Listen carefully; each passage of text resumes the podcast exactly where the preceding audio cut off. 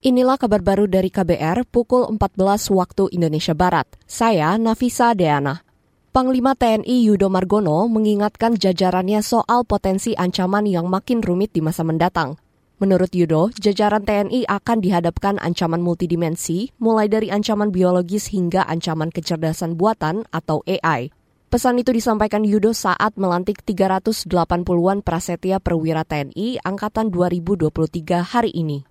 Perlu kalian sadari bersama bahwa tantangan tugas yang akan kalian hadapi di masa mendatang akan semakin kompleks.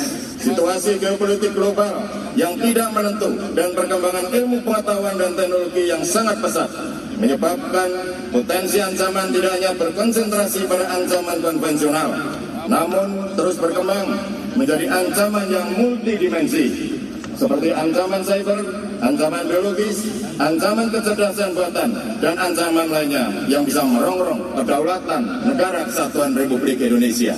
Panglima TNI Yudo Margono mengatakan para perwira baru harus terus mengasah diri dan beradaptasi secara cermat. Dia juga mengingatkan perwira baru menjadikan kode etik dan sumpah prajurit sebagai pedoman melaksanakan tugas. Kita ke informasi pemilu 2024. Kabar Pemilu. Lembaga Pemantau Korupsi ICW mendorong sanksi terhadap praktik politik uang di pemilu diperberat.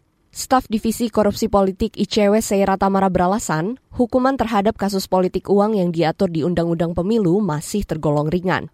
Kalau kita melihat sanksi terhadap politik uang di pasal 523 baik dari ayat 1 sampai dengan ayat 3 di Undang-Undang Pemilu itu masih tidak terlalu baik gitu, tidak terlalu tinggi baik dari pemberian pidana penjaranya maupun juga pidana dendanya. Pemberian sanksinya ada yang satu tahun, kemudian ada yang dua tahun dan itu masih bisa ditingkatkan.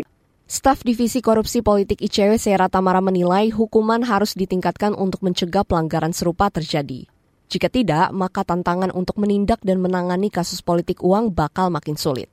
Data Badan Pengawas Pemilihan Umum Bawaslu ada 60-an kasus politik uang pada pemilu 2019 yang diputuskan pengadilan. Kita ke berita mancanegara.